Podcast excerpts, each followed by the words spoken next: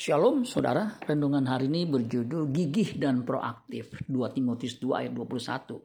Jika seorang menyucikan dirinya dari hal-hal yang jahat, ia akan menjadi perabot rumah untuk maksud yang mulia.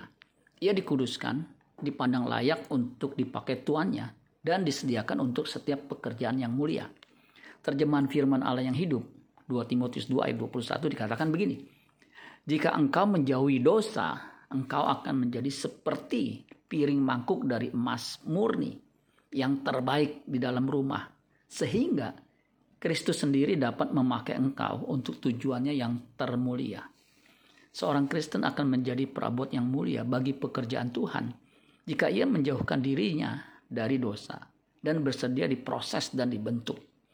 Hal ini sejalan dengan nasihat Rasul Paulus kepada jemaat Korintus, 2 Korintus 6 ayat 17 dan 18. Sebab itu, keluarlah kamu dari mereka dan pisahkanlah dirimu dari mereka, firman Tuhan. Dan janganlah menjamah apa yang najis, maka aku akan menerima kamu dan aku akan menjadi bapakmu dan kamu akan menjadi anak-anakku laki-laki dan anak-anakku perempuan. Demikianlah firman Tuhan yang Maha Kuasa. Kita sendiri dengan tekad yang kuat dan gigih secara proaktif memisahkan dan menjauhkan diri dari dosa dan keterikatan dengan keinginan daging kita.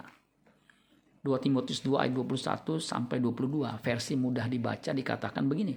Tuhan mau memakai engkau untuk tujuan khusus. Jadi bersihkanlah dirimu dari segala yang jahat. Engkau akan menjadi kudus dan Tuhan dapat memakai engkau.